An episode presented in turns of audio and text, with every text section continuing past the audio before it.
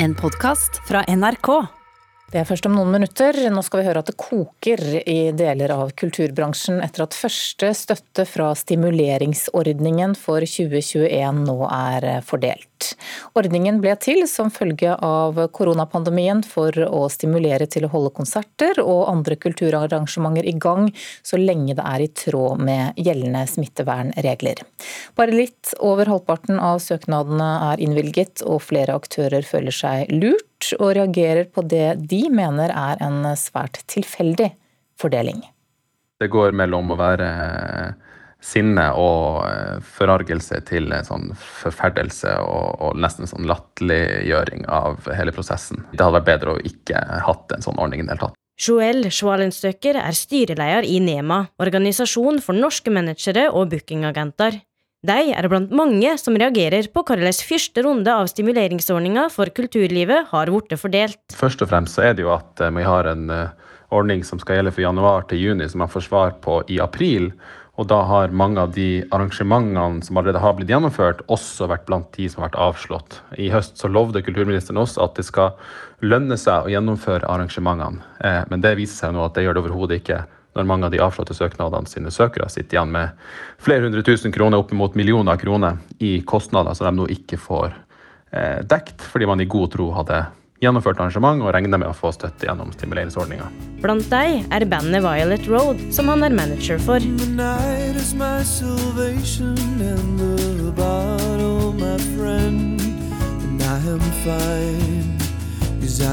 De er nå midtveis i en turné. Men resten av turneen aner vi nå ikke hva skjer med. Fordi vi, vi har allerede mange hundre tusen i underskudd, og vi har nå fått avslag på den søknaden.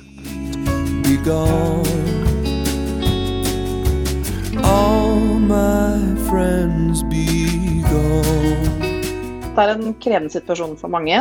Mange føler seg nå lurt uh, av kulturministeren, og, og, at det er en veldig stor avstand mellom hva han har skissert at skal være mulig gjennom stimuleringsordningen, og hva som nå viser seg å være realiteten. Det sier Tone Østerdal i Norske konsertarrangører, som kan fortelle at mange av medlemmene deres er sinte og fortvila over situasjonen. Mange opplever det som tilfeldig hvem som har fått og ikke fått støtte. Noen opplever jo å ha fått eh, støtte til noe av det de har søkt om, men ikke til noe annet. Andre har fått beskjed om at de ikke får støtte nå, for de har fått mye støtte i 2020. Eh, men det forandrer jo ikke på det faktum at kulturministeren har vært ute og oppfordret arrangørene til å holde jorda i gang, og til å planlegge og gjennomføre arrangementer så langt det lar seg gjøre innenfor smittevernrestriksjonene. Både Schwalenstøkker og Østerdal forstår at ikke alle kan få det en har søkt på, men mener at ordninga ikke er god nok i utgangspunktet, og at det er lagt opp til for stor skjønnsutøving. Og at vi nå har tjent med mer sjablongaktige ordninger som gjør det mer forutsigbart hvem som får og ikke, eh, når man oppfyller kriteriene. Emma Lind, statssekretær i Kulturdepartementet, svarer at Kulturrådets vurderinger ikke er tilfeldige. De er eh, basert på flere kriterier, bl.a. er det hensyntatt eh, mangfold, geografisk spredning og ikke minst type publikumstilbud. Hun forstår likevel kritikken. Jeg kan forstå at det er et, et ønske om, om mer garantier, men det er ikke en rettighetsbasert ordning. Akkurat nå er det en søknadsbasert ordning, og vi har en ramme som vi må eh, ha fordeling på.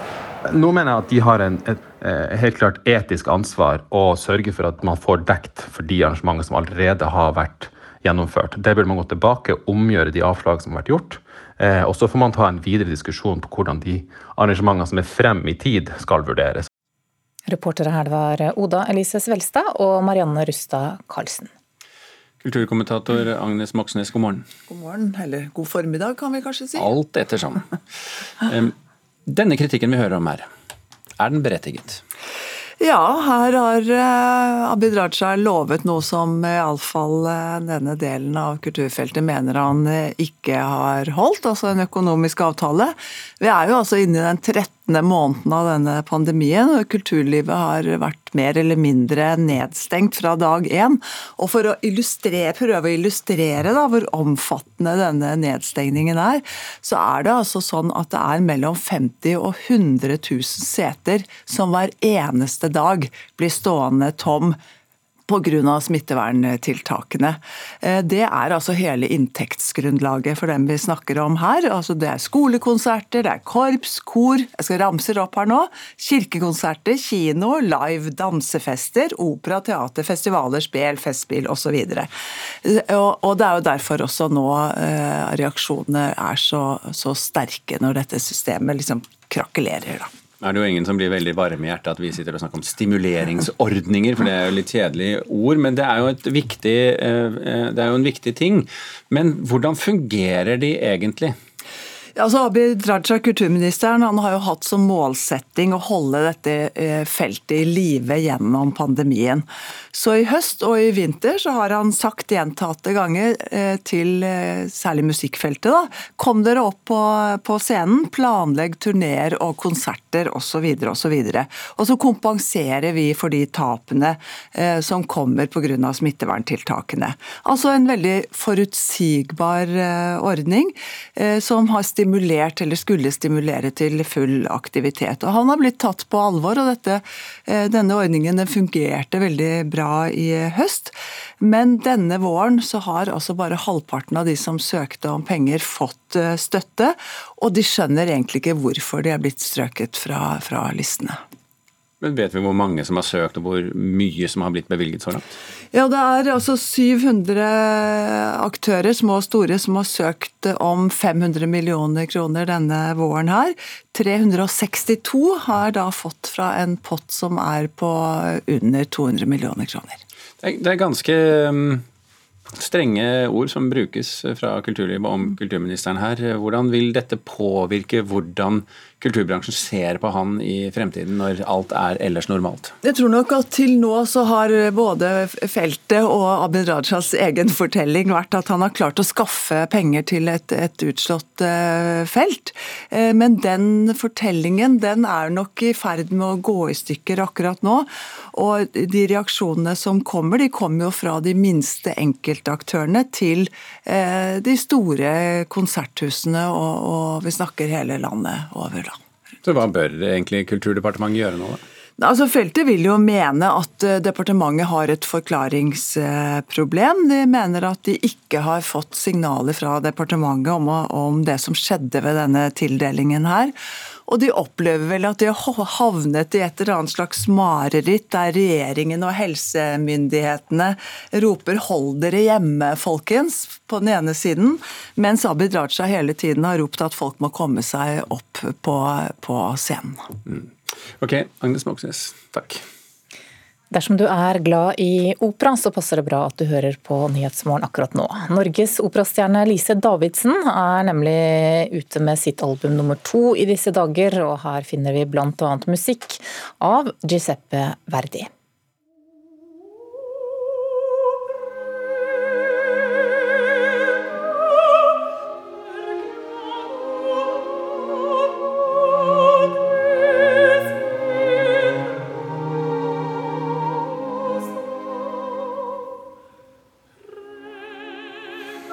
Dette er altså sopran eh, Lise Davidsen i musikk av Verdi fra hennes andre album, som blir sluppet i disse dager. Øystein Sandvik, NRKs klassiske anmelder, god morgen. Morgen, morgen. Du triller en femmer på terningen og sier at Davidsen leverer varene, men at lydproduksjonen ikke holder et høyt nok eh, nivå. Hvis vi starter med Davidsen selv, da. Hva er hovedinntrykket du sitter igjen med etter å ha hørt dette albumet? Altså, hovedinntrykket er jo at Lise Davidsen er en sanger som skiller seg markant ut fra mengden. Både når det gjelder selve stemmen, som jo delvis er en uh, naturgave, men selvfølgelig også måten hun bruker den på. Altså Hun bekrefter på en måte på, også, på dette albumet at hun er en, en, en, stemme blant millioner, for å si det med dirigenten uh, Antonio Papano. Uh, hun viser en større bredde her repertoarmessig sammenlignet med debuten som kom for, sin, for to år siden. Hun er innom sen italiensk 1800-tallsopera, f.eks. Verdi, som vi hørte her, og Wagner, som er den komponisten som er kanskje mest kjent for. Uh, hun virker kanskje litt mindre hjemme i det italienske enn i det tyske. Uh, og så er det også en solid dose musikk av Beethoven, som kanskje er det mest krevende på dette albumet. Du må liksom ha alt i denne musikken av, av Beethoven. Du må ha stor styrke, men også stor fleksibilitet. og det er akkurat det Nisse Davidsen viser at hun har i denne musikken. Hun har på en måte et enormt stort register, både når det gjelder omfang og uttrykk. sånn at det er, en, det er på en måte en veldig komplett stemme vi hører på dette albumet. Ja, dette med at hun er en stemme blant millioner, hva, kan du si litt mer om hva det er med denne stemmen som er så spesielt? Altså, Det må du nesten bare oppleve for å forstå. Altså, det er rett og slett ikke helt eh, enkelt å beskrive. Men det er klart at det er eh, det å oppleve Lise Davidsen live da, i et konserthus eller i en opera. Så det er en overveldende opplevelsen av, av, en stemme som er utenom det vanlige. Den er eksepsjonelt stor, kraftfull og fyldig og vakker.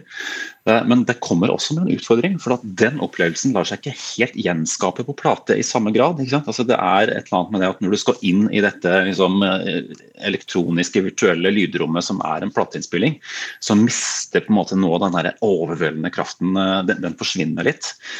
Um, og Her har det også gått litt gærent for Dekka, for plateselskapet, når det har gjort denne innspillingen. For det er noen steder hvor vokallyden faktisk vrenger litt på de stedene hvor Lise Davidsen gir uh, jernet.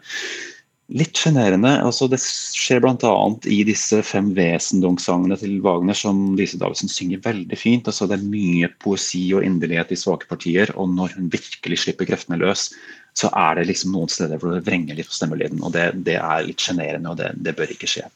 Er det et, et vanlig problem på klassiske utgivelser?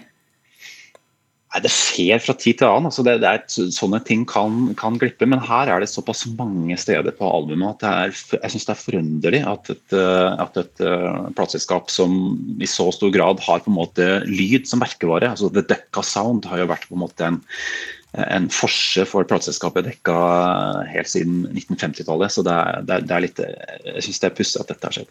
Okay, vi skal høre litt på Lise Davidsen som synger eh, Wagner helt til slutt her. Takk skal du ha, Øystein eh, Sandvik.